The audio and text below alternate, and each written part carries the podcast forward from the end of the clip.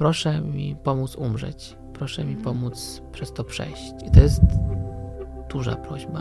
Nikt chyba z personelu nie może się nazwać ekspertem od śmierci. W hospicjum spotykam więcej życia, niż jak z niego wyjdę. Cześć, moim dzisiejszym gościem jest Krzysztof. Y, jest pracownikiem hospicjum i chciałabym dzisiaj wykorzystać go jako mm, pewien wstęp do tematu śmierci. Chciałabym go oswoić, ale chciałabym też, no oczywiście, usłyszeć to, na czym polega Twoja praca i co Ci daje, gdzie są jakieś to, Twoje trudności z tym, więc bardzo miło Cię dzisiaj gościć. Witam wszystkich, witam Ciebie. Dzięki za zaproszenie. To na, na wstępnie. No dobra, więc jesteś e, pracownikiem hospicjum, ale jesteś też e, koordynatorem, opiekunem wolontariuszy.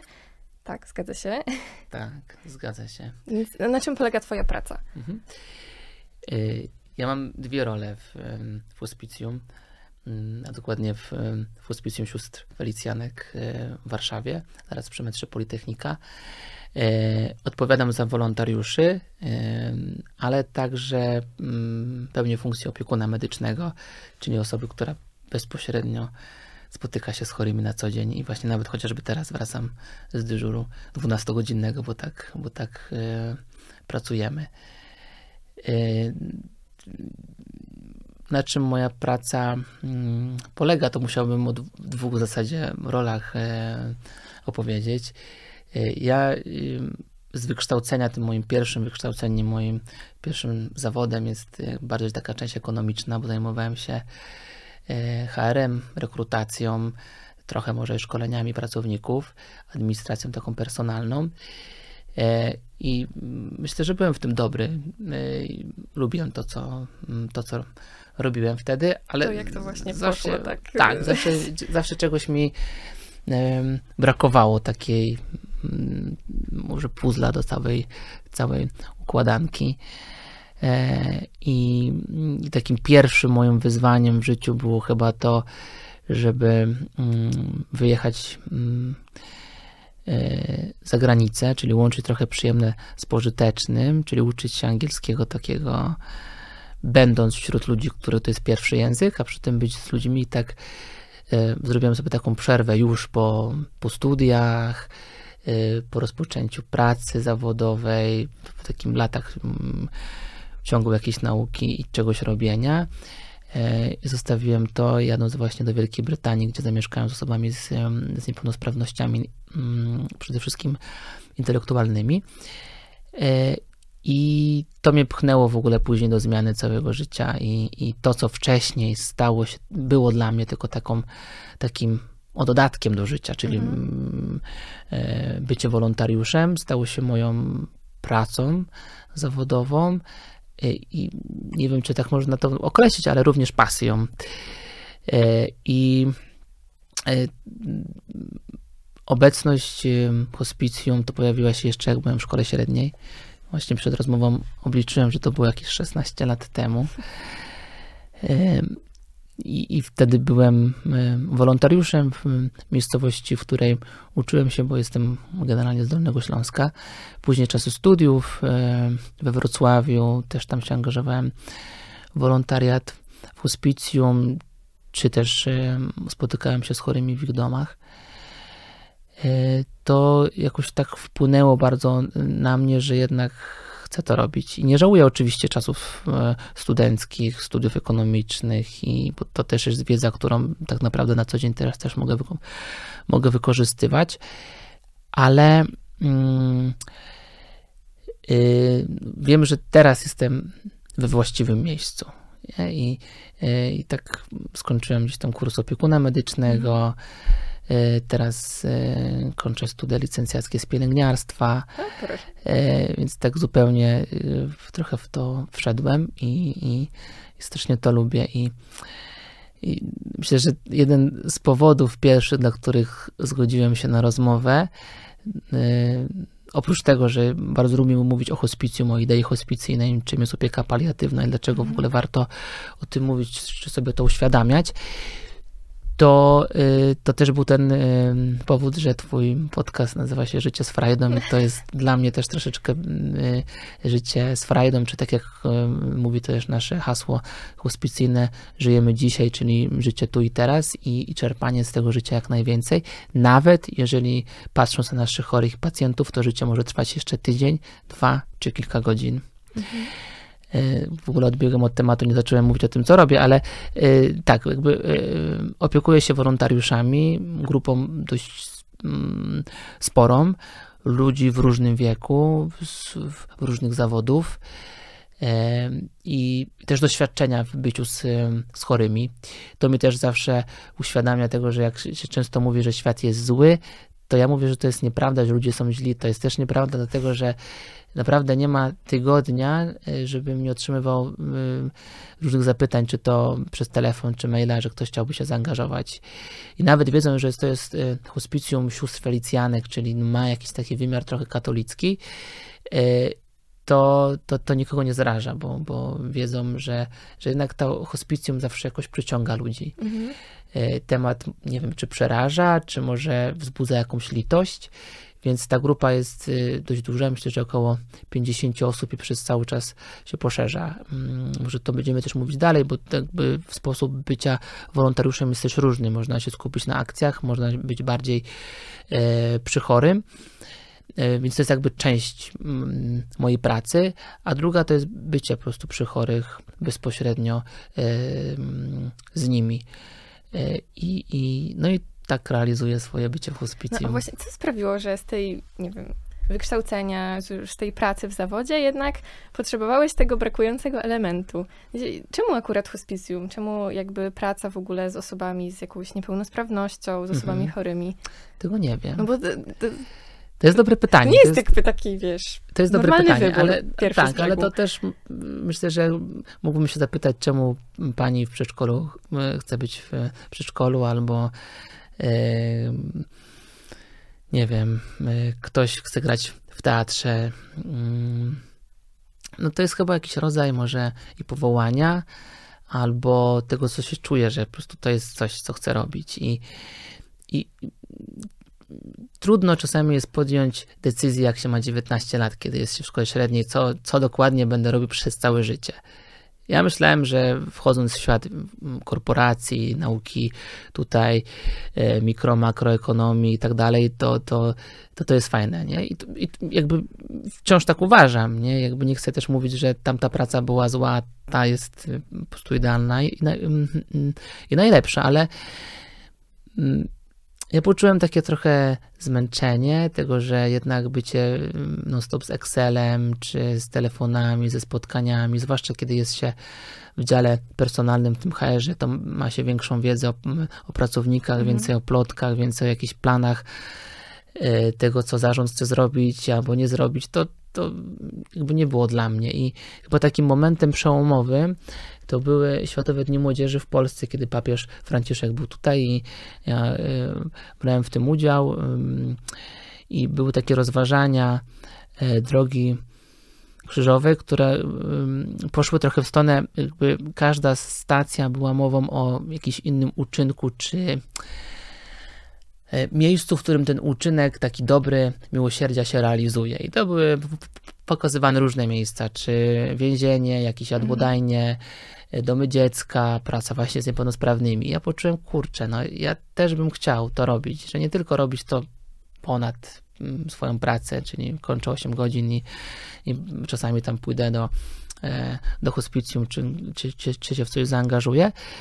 E, więc stąd właśnie to był taki pierwszy motyw wyjazdu do Wielkiej Brytanii i później mm, stwierdziłem, że przecież można tak żyć i, i E, i niczego mi nie brakuje. Myślę, jakby nie bałeś się, nie wiem, nie miałeś, no właśnie powiedziałeś o tym, o litości na przykład. Jakby jaka była taka twoja motywacja? Chciałeś po prostu spróbować jakby pomóc Myślę, że tak, że ta, że ta, pierwsza motywacja to była taka, usłyszałem ogłoszenie, że jest możliwość zrobienia takiego kursu na wolontariusza mhm. medycznego i stwierdziłem, że czemu nie. Myślę, że nie wiedząc, z czym to się tak naprawdę jeszcze wiąże, nie? Jakie tematy będę poruszał, jakich ludzi będę spotykał. To się wszystko zaczęło dziać w, w, trakcie. Tak, i, i do tej pory, jak ludzie mówią, a że super, ja cię podziwiam, masz taką pracę, ja uważam, że to nie ma co podziwiać. No, w sensie, ja czuję, że to jest dla mnie, czuję, że ja się mogę w tym spełniać i mogę przy tym być przy człowieku i, i pomagać. To wracając, tak samo możesz to realizować właśnie będąc w teatrze, czy mhm. tak jak tu mówiłem, siedząc przed Excelem. Jeżeli ktoś czuje się w tym ok, czuje się z tym dobrze, szczęśliwy, no to trzeba to robić. No i ja w pewnym momencie czułem, że, że, że to jest, że to może być jakaś forma realizacji mnie na tym świecie. A kim są wasi pacjenci? Znaczy, bo słyszałam, że są hospicja na przykład dla dzieci, nie?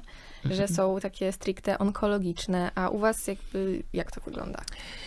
Tak, to jest hospicjum stacjonarne dla dorosłych, czyli teoretycznie od, od 18 roku życia, mm, zarówno dla mężczyzn, jak i mhm. dla kobiet. E, I hospicja są dla osób, które e, kiedyś się mówiło w terminalnej fazie choroby, teraz się mówi u kresu życia czy u schyłku życia. E, choroby najczęściej nowotworowej w Polsce, chociaż mhm. lista chorób, jakbyśmy weszli na strony Ministerstwa Zdrowia czy NFZ-u, to, to jest troszeczkę dłuższa, ale najczęściej w Polsce są to osoby mm, z chorobą, zaawansowaną chorobą nowotworową. Co jakby można też y, określić, że z punktu widzenia współczesnej medycyny są te osoby nieuleczalnie chore, czyli jakby lekarze stwierdzili, że wszystko to, co można było zrobić, to było już e, zrobione. Dalsze leczenie, czy chemoterapia, mhm. radioterapia i jakieś tam jeszcze inne sposoby nie mają już większego sensu, czyli najlepiej teraz skupić się na tym, żeby to życie miało jak najlepszą jakość, na zapewnieniu jak najlepszego też standardu życia, niż skupienie się na samym leczeniu teraz. Czyli pacjenci, którzy są w hospicjum naszym, y, czy hospicjum jakimkolwiek w, w, y, w Polsce, no mają zakończone leczenie przyczynowe, czyli my nie skupiamy się na przykład na nowotworze wątroby i nie chcemy tego nowotworu teraz mhm. pokonać, wyciąć, y, czy, czy znaleźć jakieś leki, żeby ten nowotwór nagle zniknął, tylko my skupiamy się bardziej na objawach, czyli na przykład nie wiem, na bólu brzucha, na biegunkach, mhm. wymiotach i tak dalej, duszności, e, ale nadrzędnym celem jest poprawa jakości życia. Oczywiście najpierw jakość życia będzie na dobrym poziomie, wtedy kiedy pacjent nie będzie czuł bólu, bo mhm. no wiadomo, że jak czujemy ból, no to nie będzie dla nas miało znaczenia e, większego, czy herbata jest słodka, czy nie, czy mam umyte włosy, czy, czy nie ważne, żebym nie czuł bólu. Więc pierwszym zadaniem jest to działanie tego, żeby pacjent nie czuł bólu, a później e, wiele, wiele różnych e, działań, rzeczy, które mają wpłynąć na to, że, że pacjent będzie czuł się dalej człowiekiem, to tak mówiąc najprościej. Więc to są osoby dorosłe, e, które właśnie to leczenie zostało zakończone. To wcale nie są osoby starsze, bo często też jest takie pytanie, że my opiekujemy się starszymi. Y, nie, nasz, nasza najmłodsza pacjentka miała 36 lat, ale wiem, że są też y, hospicja i miejsca, w którym są też młodsi. Osobną historią jest hospicjum dla dzieci, mhm. czy, czy szpitale onkologiczne. Hospicjum mm, to mm, działa na podobnych zasadach jak taki szpitalny oddział opieki paliatywnej. To tak, takie dwa miejsca, w którym e, no, dba się o osobę, która e, no, jest u schyłku swojego życia, e, ale wciąż żyje i wciąż... No właśnie chciałam to skonfrontować, bo mam taką historię w rodzinie i mój wujek jest tam jakoś po siedemdziesiątce i miał uraz kręgosłupa, przez to już generalnie nie chodzi i wymaga takiej, no, pielęgnacji po prostu. Mhm. E, I w szpitalu tam jeszcze był COVID, wszystko, więc faktycznie był taki moment graniczny, gdzie lekarze mówili, że proszę się już przygotować na najgorsze, ale generalnie tak jakby jego stan zdrowia w sensie jest w pełni świadomy, wymaga po prostu tylko mhm. pielęgnacji wokół siebie. I faktycznie dostaliśmy taką informację, że no, wystawimy to skierowanie tak do hospicjum, albo państwo przejmą opiekę w domu. I tak się zastanawiam, czy zawsze to są takie skrajnie ciężkie przypadki osób, które są właśnie w hospicjum, bo tak mówisz o tym końcu życia, nie, Mhm. końcu jakby tego leczenia, no i jakby Nie, to nie są zawsze skrajne, że człowiek, który przyjdzie, oczywiście zdarzają się, mieliśmy takiego pana, który przyjechał do nas na godzinę i, e, i po godzinie zmarł. Są też tacy, którzy są kilka miesięcy, prawda? E, Bo jakby trzeba też chyba zwrócić uwagę, że choroba nowotworowa, bo o takiej tutaj e, mogę mówić, no stała się taką chorobą mm, przywlekłą, że to nie jest tak, że przychodzi nowotwór i to znaczy, że zaraz trzeba umrzeć i zbierać się mm, już z tego świata, tylko ludzie czasami chorują latami. I nawet jeżeli no, lekarze twierdzą, że wiem, ten guz jest nieoperacyjny, y, to ludzie jednak chorują latami i, i dlatego można trafić pod opiekę hospicjum domowego i, i to jest y, hospicjum takie, że, że dany pacjent, dana osoba em, mieszka w swoim domu z rodziną e, i, i przychodzą do niego lekarze i pielęgniarki e, i on dalej funkcjonuje, prawda? Do nas trafiają już takie osoby, które z różnych względów albo nie są w stanie same sobą się już zaopiekować, albo rodzina też już nie jest w stanie się zaopiekować, bo bardzo, jeżeli mówię, że ktoś może latami chorować na mm, nowotwór, to można sobie wyobrazić, jak ta rodzina może być zmęczona, jak ten chory może być zmęczony całą chorobą. E, oczywiście są to też osoby często starsze, więc e, dzieci albo, albo nie mają dzieci, albo mieszkają za granicą, albo nie mają kontaktu, bo takie historie są też bardzo częste, niestety. E, no to przychodzi taka decyzja, że, że najlepszym rozwiązaniem będzie mm, hospicjum stacjonarne. E, Ale są też takie e, no, przypadki, nie wiem, na- nazwijmy to nagłe, prawda, że, że ktoś też, my, mieliśmy takiego pana chociażby, który trafił do nas, gdzie o diagnozie i o tym, na co jest chory, dowiedział się dwa tygodnie wcześniej, czy trzy tygodnie wcześniej. I ta choroba tak postępowała, wcześniej nie dawała żadnych e, objawów, albo on je ignorował, że no jedynym rozwiązaniem było, było opieka mm, w hospicjum, bo rodzina nie byłaby w stanie się nim zająć. Więc to wszystko zależy od, e, od danego mm, chorego, jego rodziny, jego sytuacji. A jak śledziłam wasze media społecznościowe, Hospicjum Felicjanek, to widziałam tam, że ym, no, robicie naprawdę różne rzeczy. To znaczy jakiś makijaż, jakieś tu wyjście i mógłbyś powiedzieć, jak wygląda wasz dzień i czy to jest właśnie też ym, no, pewnego rodzaju, no właśnie realizowanie tego, że teraz żyjemy, to robimy, doświadczamy żeby wykorzystać ten moment. Tak. Ja myślę, że ja bardzo lubię to hasło e, hospicjum to też życie. I nawet jak e, dostajemy zaproszenia do, do szkół, do, do młodzieży czy dzieci, to, to zadaję to pytanie, czy słyszeliście kiedyś hospicjum? I odpowiedź naprawdę tak w 90 e, tych procentach e, pada, że, to takie miejsce, w którym ludzie umierają, że to jest Bo taka umieralnia. i mam wrażenie, że jak słyszę często takie, no może nie reklamy, ale billboardy, to też to raczej jest w takich ciemnych kolorach i tak... Właśnie i szkoda, że tak jest. Szkoda, bo to właśnie hospicjum to, to, to też życie i to życie ma wartość, nawet jeżeli człowiek jest bardzo chory, nie? jeżeli ma jakieś e, e, rany, nie może chodzić, to, to, to, to życie wciąż jest, Mhm. jest życiem. I my staramy się, dlatego też y, zdecydowaliśmy się na taki przekaz przez media społecznościowe. W ogóle za- zachęcamy do tego, żeby tam wejść i zobaczyć, czy na Facebooku, Instagramie, czy na TikToku, żeby pokazać, że to niekoniecznie musi być umieralnia. Oczywiście, no, nie ma co się oszukiwać, że my stykamy się ze śmiercią. Doświadczamy jej i, em, i to cierpienie też jest obecne prawda? I to nie tylko mm, to, to fizyczne, bo na to możemy zadziałać właśnie odpowiednimi lekami przeciwbólowymi. Częściej to jest e, psychiczne czy jakieś duchowe cierpienie.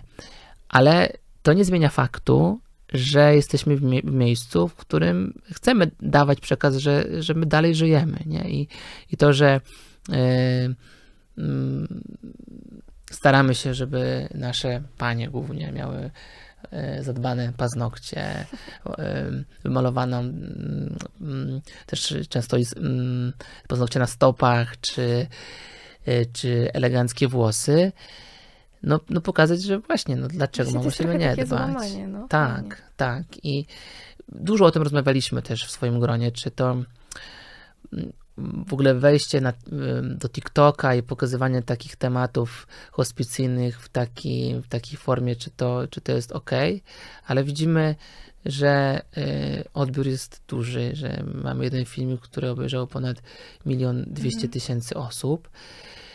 Y, i to pokazuje, że i, i komentarze, które tam ludzie zostawiają, że on myśli teraz o swojej babci, żałuje, że nie mogą się z nią pożegnać, e, albo że dzięki, że to robicie, że ludzie są uśmiechnięci, no, no to pokazuje, że jednak chcemy właśnie przełamać ten stereotyp o tym, że, że hospicjum to jest smutne miejsce, bo to, to mamy takie obrazy w głowie, ja też takie mam, że to jest pani w, bez włosów, w- chustce na głowie, e, mm, smutna, no nie, no to, to, to czasami ja, ja często używam takiego sformułowania, że e, w hospicjum spotykam więcej życia, niż jak z niego wyjdę.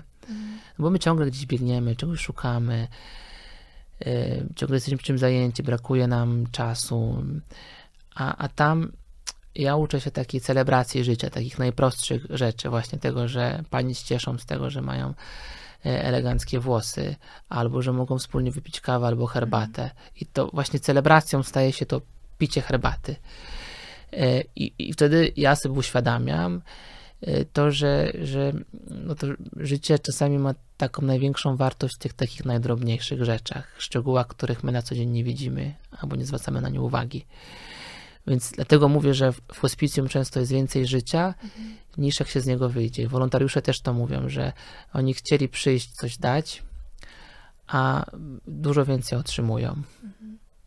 A czy ze względu na to, że ta praca, no jeszcze pewnie do tego dojdziemy, ale myślę, że ma też dużo takich trudnych wymiarów, czy ona podlega jakiejś, nie wiem, superwizji, macie wsparcie psychologiczne, czy korzystasz z takich rzeczy, czy jakby masz to na tyle jakoś, nie wiem, wyuczone, uporządkowane, że, że nie potrzebujesz takich rzeczy? Ja myślę, że bardzo ważne jest to, żeby umieć też zadbać o siebie. I ja to podkreślam mm, też wolontariuszom. Dzisiaj nawet rozmawiałem z jedną, która e, niedawno rozpoczęła swoją mm, pracę jako wolontariusz i, i, i przychodzi prawie e, codziennie do chorych.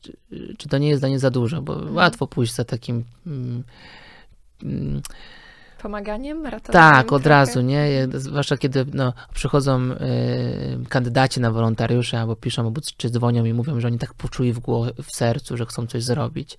Ja oczywiście się z tego zawsze cieszę, ale mówię, okej, fajnie, fajnie jest pójść za głosem, e, czy za tą twoją taką pierwszą motywacją, Mhm. ale dobrze jest na, na początku z tym pobyć, trochę się oswoić z tą myślą, poczytać takich informacji, obejrzeć jakieś e, filmy, czy, czy posłuchać e, podcastów, czy nawet zaangażować się w akcje, które nie są jakby mm, bezpośrednio przy chorym, tylko gdzieś tam obok, po to, żeby się oswoić trochę z, z tematem hospicjum. Bo to jest pierwsza rzecz, jeżeli nie będę potrafił się zat- zatroszczyć o siebie, zadbać o siebie, no to nie będę też dla tych ludzi. I to widać, jak jesteśmy zmęczeni, e, no to inaczej reagujemy na naszych chorych, nie? E, Więc my ze sobą rozmawiamy. Rozmawiamy. e, Ja staram się rozmawiać z wolontariuszami, pytać się, co, co, co dla nich jest trudne.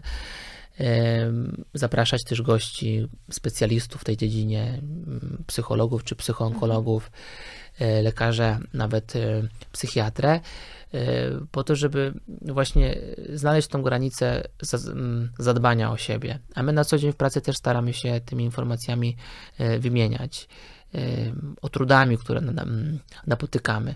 Też chyba po to, żeby ta praca nie stała się rutyną, bo tak jak człowiek się jest w stanie do wszystkiego e, Przyzwyczaić. przyzwyczaić, tak samo do widoku cierpienia czy, czy śmierci. E, A ja szukam też swoich sposobów e, oderwania swojej głowy od tematów mm, trudnych.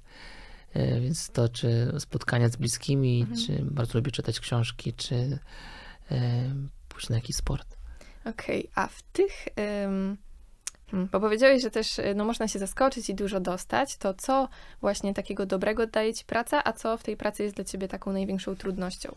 Mhm. Mm, To, co otrzymuję dobre, to chyba właśnie to, co już tu wspomniałem, nie? Żeby uczyć się takiej celebracji chwili, właśnie żyć dzisiaj i, i, No i nie szukać e, tego, co jest złe i tego, co jest smutne w swoim życiu, tylko jednak dostrzegać to dobro i umieć za nie dziękować. E, bo nawet e, często właśnie czy rodziny, czy pacjenci mówią, że o, ja już, już koniec, już nic mnie dobrego nie czeka i,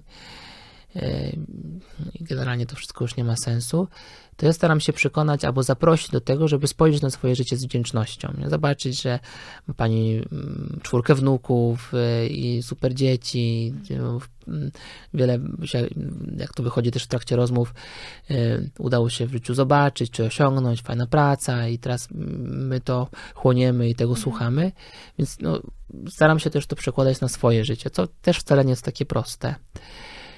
E, natomiast co jest trudne,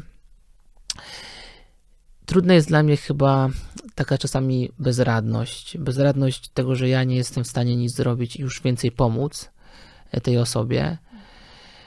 E, ale też mm, ta Ale w takim sensie jakby, że ta osoba, nie wiem, już odchodzi, czy w takim sensie, że widzisz, że kogoś boli i no już jakby...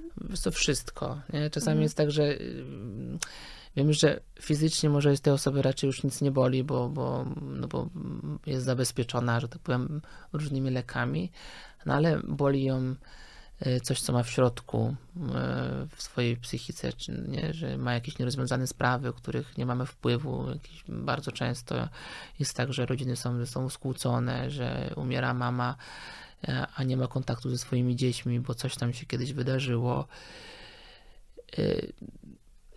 Więc taka jest bezradność, ale też bezradność tego, że no, że my ludzie mamy tak, tak jesteśmy skonstruowani, stworzeni, yy, że mamy taki okres aktywności, yy, robienia wielu różnych rzeczy i projektów, zwłaszcza teraz, możliwości wyjazdów za granicę.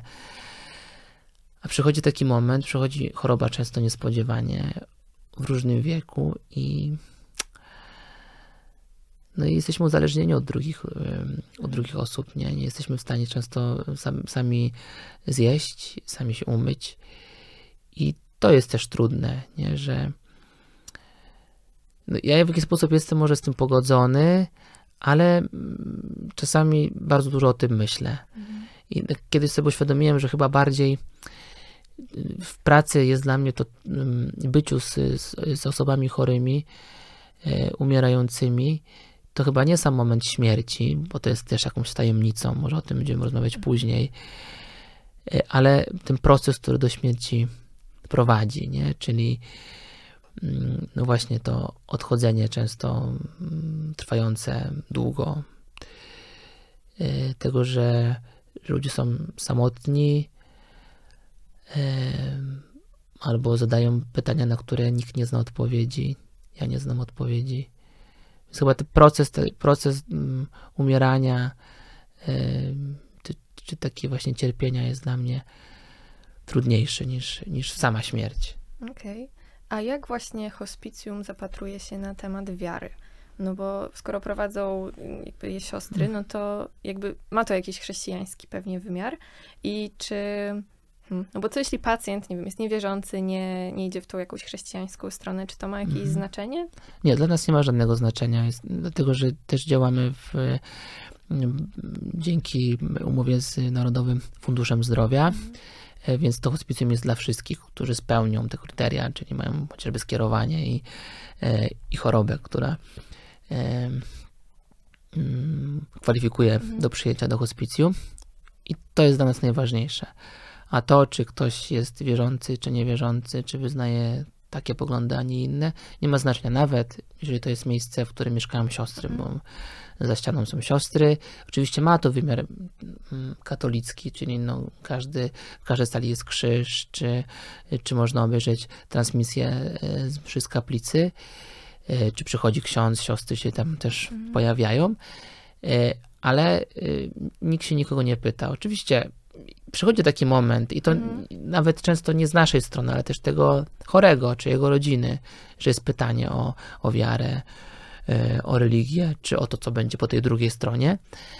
E, ale sam moment przyjęcia nie ma znaczenia. Bardziej to jest taki, mm, to też ja mówię wolontariuszom, no, którzy- mm, wcale też nie muszą być wierzący, że to chodzi o wzajemny szacunek, czyli nikt nikogo nie będzie przekonywał do wiary, e, ale też chcemy, żeby to było uszanowane, czyli jeżeli komuś nie odpowiada, e, że jest, mm, nie wiem, msza puszczona, to wcale nie musi jej słuchać, ale, ale też, żeby nie przeszkadzał tak innym, którzy tego chcą. Okej. A też słyszałam, że mm, no panuje takie przekonanie, że z hospicjum się nie wychodzi. Mhm. No i Mógłbym sobie zażartować tak, tak trochę hospicyjnie, że zawsze jest jakieś wyjście, czasami może kogoś wywiozą. E, przepraszam. To e, ale ni- nie, to y, nie jest tak, że, że z hospicjum się nie wychodzi. Mhm. Mm, no, nasze hospicjum jest nowym hospicjum, więc y, my działamy od ponad roku. To raz się zdarzyło, że pacjentka wyszła o własnych nogach i w dużo lepszym stanie niż do nas przyjechała. Mamy z nią przez cały czas kontakt i, i ma się dobrze. Mhm. Zawsze ja pod opiekę właśnie hospicjum domowego, o którym tu wspominałem.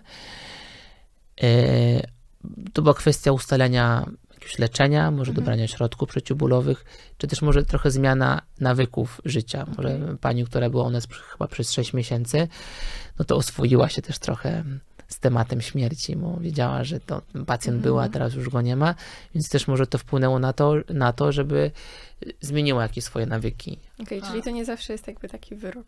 Nie? Nie, nie, w ogóle hospicjum to nie jest wyrok śmierci. No, po prostu, ja wiem oczywiście, że to. Ja No bo teraz to tak, zawsze się tak jakoś. No, no, tak, ja wiesz, ja teraz jestem mądry, bo jestem po tej drugiej stronie, Mhm. ale nie wiem, jakbym to sam przeżył, kiedy to by, dotyczyło mnie. Em, nie wiem, jak bym się zachował, nie? mając już też wiedzę tego, co się może w tym hospicjum wydarzyć, kogo mogę spotkać i tak dalej. E, Ale teraz ty wszystkich, którzy nas słuchają czy oglądają, to ja mówię, że to nie jest wyrok śmierci. Że to y, i ym, uwierz mi, że, że bardzo dużo chorych mówi o tym, że że cieszą się, że do nas trafili, yy, że cieszą się, że, że są w końcu zaopiekowani, że ktoś się nimi interesuje. Bo my nie znamy historii życia tych osób. Oczywiście no, to, co nam prędzej czy później pewnie. tak, dokumenty, czy tam rodzina e, przekaże, ale wciąż znamy tylko ten e, wycinek. Dlatego też bardzo ważne jest to, żeby nie oceniać naszych chorych czy ich rodzin, nie? Bo można powiedzieć tak, że e, my znamy, e, o przepraszam za określenie, tą babcię, która jest bardzo miła, serdeczna, a e, i dziwimy się, albo nawet złościmy, że dlaczego ta córka czy syn jej nie odwiedza. A, a dopiero to po czasie wychodzi, że to kiedyś na przykład była straszna matka, która em, no, no, zachowywała się źle. I dlatego to jest konsekwencją pewne em, tego. I my oczywiście nawet no, poznając tą historię, nie możemy przekreślać tego człowieka, bo naszym zadaniem jest to, to co właśnie jest w całej idei hospicyjnej, to żeby ten człowiek czuł się jak najlepiej. Żeby my dbamy, to nie tylko my, ale w ogóle hospicja, o tą przestrzeń fizyczną, no właśnie tak jak mówię, ciało, żeby ciało nie czuło bólu, żeby było umyte, ale w dużej mierze też dbamy o, o tą sferę taką psychiczną. Każdy z chorych ma możliwość spotkania, rozmowy z psychologiem, który jest na co dzień, czy też z nami, czy z wolontariuszami. Też ta opieka duchowa, i to nie tylko w naszym hospicjum, ale w każdym jakby to musi być zapewnione. No i też często taka opieka socjalna, bo, bo trafiają też ludzie zamożni i biedni. Mamy teraz pana, który jest, który mm, jest bezdomny, więc też y, staramy się później jakieś takie zaplecze socjalne. Mhm. A nie masz wrażenia, znaczy nie wiem, w sumie masz do czynienia bardziej pewnie z tym środowiskiem jednak hospicyjnym, ale że ludzie trochę boją się jakby trafić do hospicjum albo jakby posłać członka rodziny do hospicjum, bo jednak no, jakoś tak to się Tak. kojarzy, że w domu to wiesz, w domu się lepiej umiera, w domu jest rodzina, w domu to Hmm. się zadba, a jakoś te, te hospicjum jest takie, że tak jakby wypychasz tą osobę. Że nie? kogoś się oddaje była- do hospicjum. Tak. Bardzo nie lubię tego określenia, że ktoś oddał kogoś do hospicjum. Zgadzam się z tym, że no, dom to jest no, najlepsze środowisko. No, bo, no, zwłaszcza kiedy to jest dom taki ciepły, dobry, Mhm. e, z kochającą rodziną. To jest, to, to jest najlepsze środowisko do tego, żeby chorować, czy nawet odchodzić. Czasami y, no, jak warunki oni pozwalają na to, Mhm. żeby ten chory był w domu, o czym już rozmawialiśmy.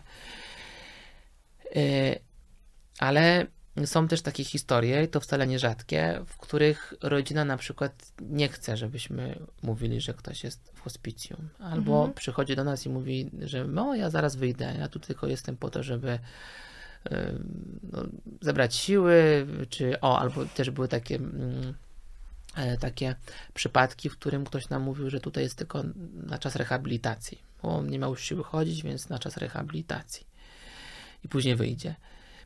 Y, Ale też- to wynika właśnie bardziej z tego takiego wstydu, że ktoś mnie, no nie wiem, szukam innego słowa, ale no ktoś mnie oddał właśnie, więc ja tu trafiłem i to jest trochę tak. Wiesz, że to wszystko zależy, bo to czasami jest tak, że rodzina bardzo chroni tego chorego, żeby on się nie dowiedział, bo jak się dowie, że jest w hospicjum, to się załamie psychicznie i nie będzie chciał walczyć, bo, bo bardzo dużą rolę w każdej chorobie, również tej chorobie y, onkologicznej, no to jest głowa, to co się Mhm. dzieje w naszej psychice, nie? Jak mam jeszcze siłę, to walczę.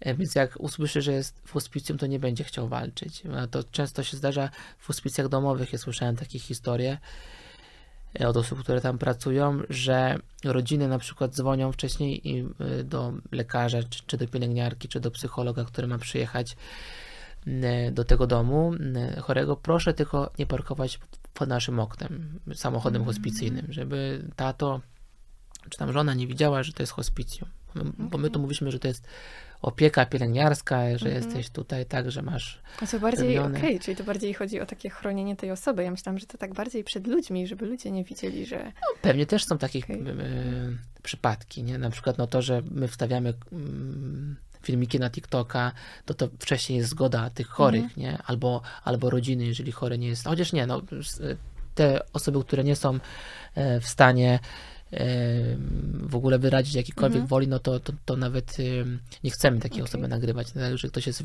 świadomy tego, czy rodzina, nie? ale wydaje mi się, że to często jest tak, że, że, że rodzina chroni tego y, chorego. Chociaż ja wierzę to, że ten chory tak wie, w jaki sposób wie i on chroni tą rodzinę, więc to jest tak. Wymiennie. tak, tak. Okej, a masz... no jednak przestrzegasz takiego dystansu w tej pracy i oddzielasz to, że teraz jesteś w pracy, teraz już jesteś po? Czy ciężko ci tak oddzielić się? No, jak jesteś z pacjentem na przykład Mhm. ileś czasu, długo raczej, Mhm. to no jakaś więź opowiada ci swoje doświadczenia, ty się z nimi jakoś konfrontujesz, to no udaje ci się ten dystans zachować, czy jednak tak to wchodzi? Nie mogę powiedzieć, że, że, że się udaje w 100%, ale staram się.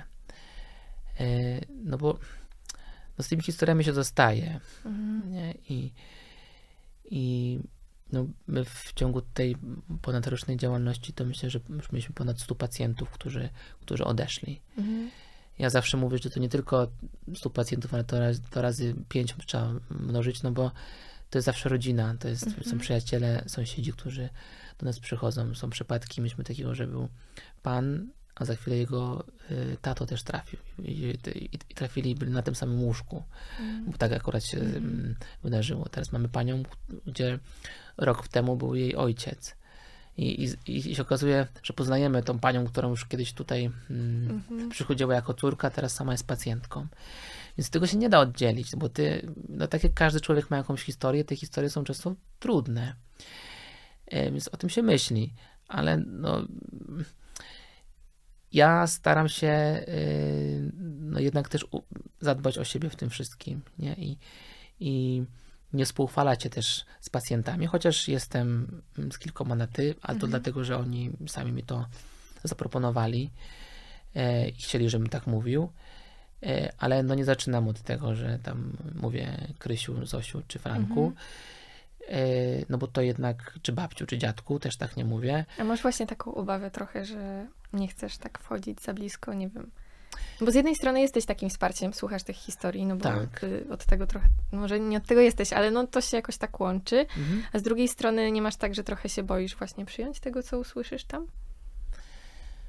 Nie, nie, chyba się nie, nie, to nie jest kwestia z, e, strachu, że, że coś usłyszę i to we mnie zostanie i Mhm. y, bo, bo chyba znam też jakby siebie i jak czuję, że to może już przekroczyć moją granicę, to dalej nie wchodzę i nie zadaję dodatkowych pytań, jakby mm, pozwalam oczywiście, jeżeli ktoś chce poruszyć jakiś ciężkie tematy, czy pyta się o śmierć.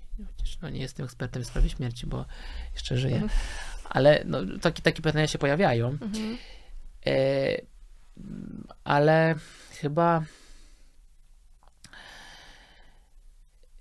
to nie jest kwestia strachu, tylko hmm, chyba budowania w sobie ciągle takiej, tej, tej świadomości, że, że, że śmierć to też jest element życia. I każdego to spotka. Jakkolwiek będzie się bronił, to, to, to każdego to spotka. Jednych szybciej, drugich później. Więc chyba to pozwala mi też spojrzeć na pewne rzeczy z takim dystansem, nie? Mhm. że, że, em, że nie mam, że nie muszę się bać tego, co robię i, i, i, z kim jestem, że nie muszę się bać tych ludzi, nie muszę się bać ich historii. Natomiast jeżeli czuję, że to już przekracza moje granice, no to, y, to trochę się wycofuję, ale z takim też szacunkiem do, tej, do, do tego chorego. Nie mówię, niech mami już nie mówi, bo ja nie Mhm. mogę tego słuchać, bo to, bo to nie, tylko z szacunkiem. I to ciężko to powiedzieć jednoznacznie, bo to trzeba było wejść w daną historię, nie? A powiedziałeś, że śmierć to element życia, ale boisz się jej czy nie? Hmm. Ja się boję panicznie. W sensie jakby nie śmierci generalnie, że ona przyjdzie, nie wiem, jutro do mnie, tylko na maksa boję się tego, że stracę swoich dziadków. I Mhm. to w zasadzie tyczy się tylko moich dziadków, nie? Jestem bardzo tak związana z nimi, dużo jakby w ich starość, mam wrażenie, tam wkładam, żeby właśnie to tak ubogacić i Mhm, wiesz, i mhm. jakby ta wizja tego, że nagle będzie pusto, y, nie umiem tego przejść. Hmm. Na chwilę obecną chyba muszę powiedzieć, że się nie boję. A to dzięki pracy, Mm, czy generalnie? No, dzięki pracy na pewno też myślę, że dużą tutaj rolę ma też wiara, bo jestem Mhm. osobą wierzącą, praktykującą. E, ale hmm. Ale też tego właśnie, że zacząłem to traktować właśnie, że to jest życie, tak jak się rodzimy, tak też musimy umrzeć. Miałem jeszcze jakąś myśl w głowie. A, już wiem, że jak y, słuchałem y, podcastów z tobą, tak żeby się też móc mm, przygotować, to chyba nawet wczoraj albo przedwczoraj słyszałem, jak mówiłaś, że boisz się śmierci i sobie myślałem, kurczę, to będzie w takim razie super rozmowa. No bo to to chodzi, tak, E, żeby wiesz, skonfrontować. Tak, ale- że wiesz, no ja nie wiem, nie wiem jak się zachowam w tym momencie, w którym będę umierał, będę odchodził, ale yy, chyba częściej doświadczam tego, że ludzie umierają bardzo spokojnie. Niektórzy w śnie, niektórzy nawet Mhm. świadomie. To wszystko też zależy od choroby i od takiego zaawansowania. I nie wiem, jakoś tak czuję spokój. No teraz, teraz, no bo jestem Mhm. jeszcze młody i, i, i mam nadzieję na to, że jeszcze tego życia trochę przeżyję, a jak będzie wtedy, no to nie wiem. Ale teraz, teraz nie mam czegoś takiego, że się boję. Chociaż też muszę przyznać, że, że miałem y, taki moment w życiu, że się bałem, zwłaszcza jak byłem dzieckiem. To się chyba przełamało, kiedy sam w rodzinie doświadczyłem y, odchodzenia. Moja babcia też y, zmarła na nowotwór, no, nowotwór trzustki, czyli no to, to jest Mhm. zazwyczaj bardzo późno wykrywany już w takim zaawansowanym stanie. U niej też tak było. Ona od, y, od diagnozy przeżyła nieco ponad pół roku. Y, I wtedy y, ona mnie chyba do tego też przygotowała. Ja wtedy już byłem wolontariuszem. Po jej Mhm. śmierci, czy na czas choroby, czy po jej śmierci trochę zaprzestałem, bo to jest też zdrowe, żeby jednak y, móc przeżyć żałobę i, i ten Mhm. E, i związany z tym cały proces.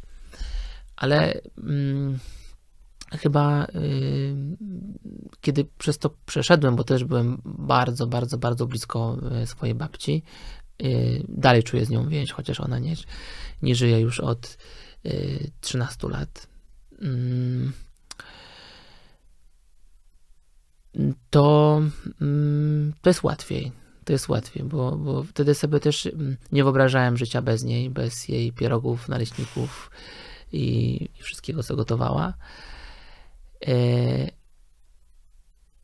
moment choroby, śmierci był trudny, ale teraz jakby wciąż ona jest obecna w moim życiu. Ciągle, no, chociaż nie żyje 13 lat, i ja mm, w międzyczasie skończyłem studia, moje życie się bardzo gdzieś tam zmieniło i tak dalej. Jestem myślę, że innym człowiekiem niż 13 lat temu. Y, to ciągle mamy jej zdjęcie w pokoju w, w ramce i, i, i codziennie na nią zerkam, więc jest, y, jest obecna w inny sposób. A z pacjentami rozmawiacie o śmierci? Znaczy mówiłeś, że czasami zadają pytania i że nie jesteś specjalistą. No to jakby wymieniacie się jakby wizją tej śmierci? Wiesz, co jest potem? Czy czego te rozmowy dotyczą? to wszystko zależy od pacjenta. Jest tak, że, to, to nie jest tak, że jak ktoś y, przychodzi do nas chory, ja siadam sobie obok Mhm.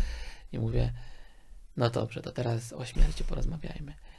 To jeżeli pacjent tego chce, nie? jeżeli Mhm. on sam porusza takie tematy, Ale ty jesteś wtedy bardziej sobą, czy masz jakoś tak, nie, wiem, Nie. jesteś przygotowany do nie, tego? Co... nie mam gotowych odpowiedzi. Nie? I nie boję się też powiedzieć nie wiem. I to w kontekście, dlaczego mnie tak boli, dlaczego ja tak cierpię.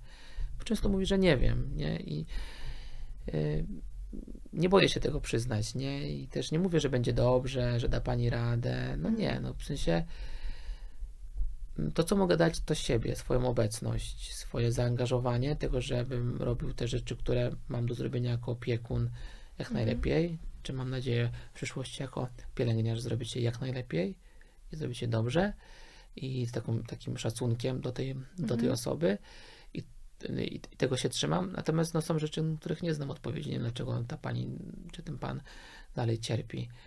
E, Albo mm, nie wiem, co, jak będzie sam proces umierania Mhm. wyglądał, bo to też jest różnie, każdy umiera inaczej. Więc jeżeli pacjent chce w to wejść, no to, to słucham. Nie? I to, co mogę, nie wiem, to nie jest kwestia doradzenia, bo przecież ja nic nie doradzam, ale kwestia no wejścia w ten Mhm. temat, no, no to tak. Y, y, Czy niektórzy się pytają o, o takim element duchowy, religijny, że chcą, no bo to też jest taki czas Mhm. rozliczania się Mhm. trochę z życiem. Mieliśmy w hospicjum jeden chrzest panu, który mm, już nie wiem, nie wiem ile miał lat, ale no był starszy. Mhm. E, I, I gdzieś tam w międzyczasie wyszło, że nie był chrzczony i, i rozmawialiśmy z nim, czy chciałby, czy to jest dla niego ważne, czy nie i zgodził się i, i, i po mm, przyjęciu chrztu to parę dni później zmarł. Ale jest też taka pani, na przykład siostra opowiadała mi wczoraj tą historię,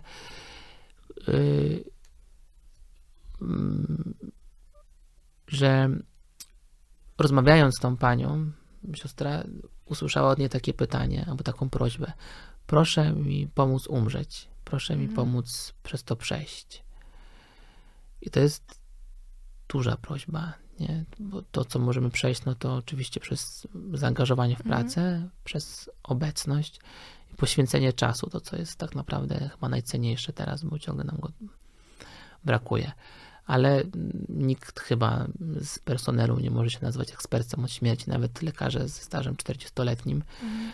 i, i po prostu i tysiącem chorych pacjentów, którzy już odeszli, to myślę, że nie mogą się nazywać ekspertami od śmierci. Wiadomo, że jest łatwiej. My, Mhm. wiem, widzimy już jakieś symptomy, że to się zbliża, które daje ciało. Właśnie chciałam o to zapytać, czy to jakby wiesz, kiedy to może nastąpić, że Nie, nie zawsze wiem, sama nie wiem, ale... jak o tym mówić, no jakby, że to jest blisko. że- No tak, no, wiesz, zwłaszcza w chorobie, no bo jakby teraz, jakbyś ty teraz nagle umarła, bo mogłabyś dostać zawału, czy nie Mhm. wiem, wylewu i e, no to, to, to, teraz nie widzę takich symptomów, Mhm. nie? No chyba, żebyś się zaczęła łapać za serce i tak dalej.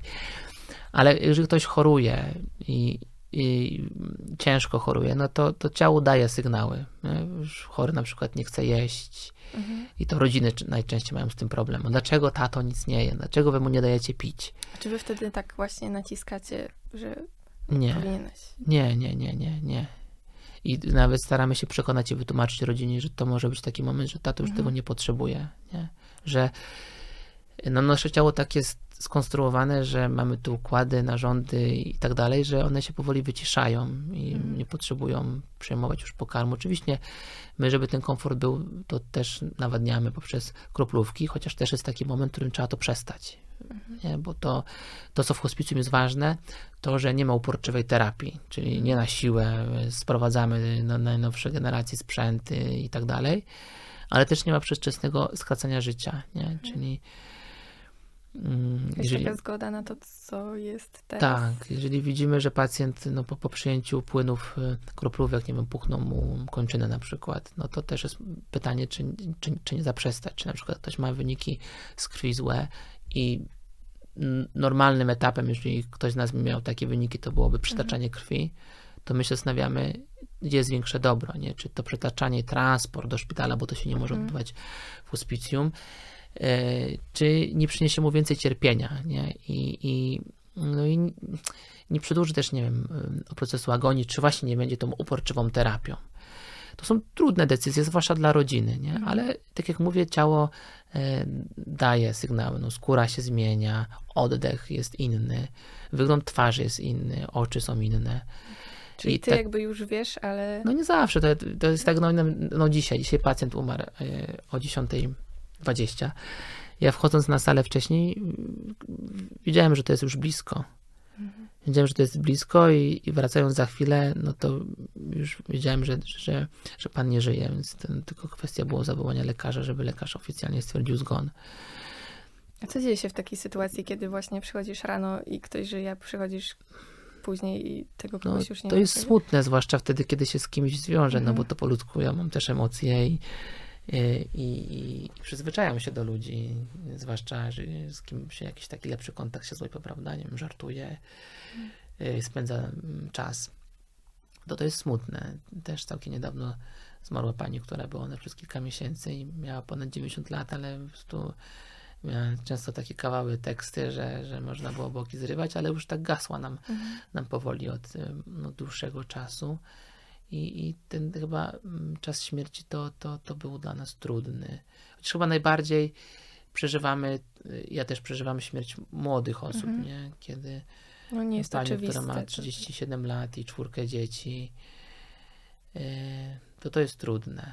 Ale z drugiej strony, akurat przy tej osobie to było bardzo wzruszające, bo, bo mm, miała czwórkę dzieci, ale też troskliwego męża, który i to też rozmawialiśmy to między sobą, między personelem, że to jest taki przykład miłości, bo on przez cały czas widział w niej kobietę, tą żonę ukochaną, nie? że chociaż ona była zmieniona bardzo przez chorobę, patrząc na jej zdjęcia wcześniej, miała nowotwór płata czołowego mózgu, który też zmienia często osobowość i mhm. ktoś z osoby łagodnej staje się jakiś taki agresywny albo w ogóle bez emocji. No, no, no przychodziły jej dzieci, ona się nawet tak nie cieszyła. No są, bo są, ale...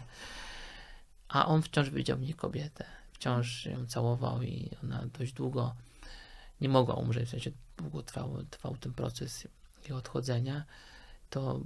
Mm, ciężko było patrzeć, a z drugiej strony było to bardzo wzruszające, jak, jak jej właśnie mąż czy mama, siostra mówili do niej, możesz odejść, my sobie damy radę bez ciebie, naprawdę możesz odejść, bo to był też taka zgoda na to i też mhm. chyba oznaka miłości, że, że nie ma co, chociaż jest też często w drugą stronę, że otrzymają... tak, że my już te lekarze też tłumaczą, że no mama nie może odejść, bo pani nie pozwala, nie? że to mhm. naprawdę już e, nic nie zmieni. Nie? Dlatego też często rodziny mają do siebie wyrzuty, chciałyby być z chorym przez całą noc, bo, bo ja chcę, nie, nie mogę tego momentu przegapić, a chory czasami nie chce mhm. umrzeć, woli właśnie umrzeć, kiedy ten, rodzina wyjdzie za drzwi, albo nawet pójdą często do toalety na chwilę i w tym czasie będzie A ty ten... byłeś kiedyś przy odejściu? Tak, tak niejednokrotnie, niejednokrotnie, no, no dzisiaj, czy ostatni raz w sobotę, jak miałem też dyżur pani, która, która akurat wtedy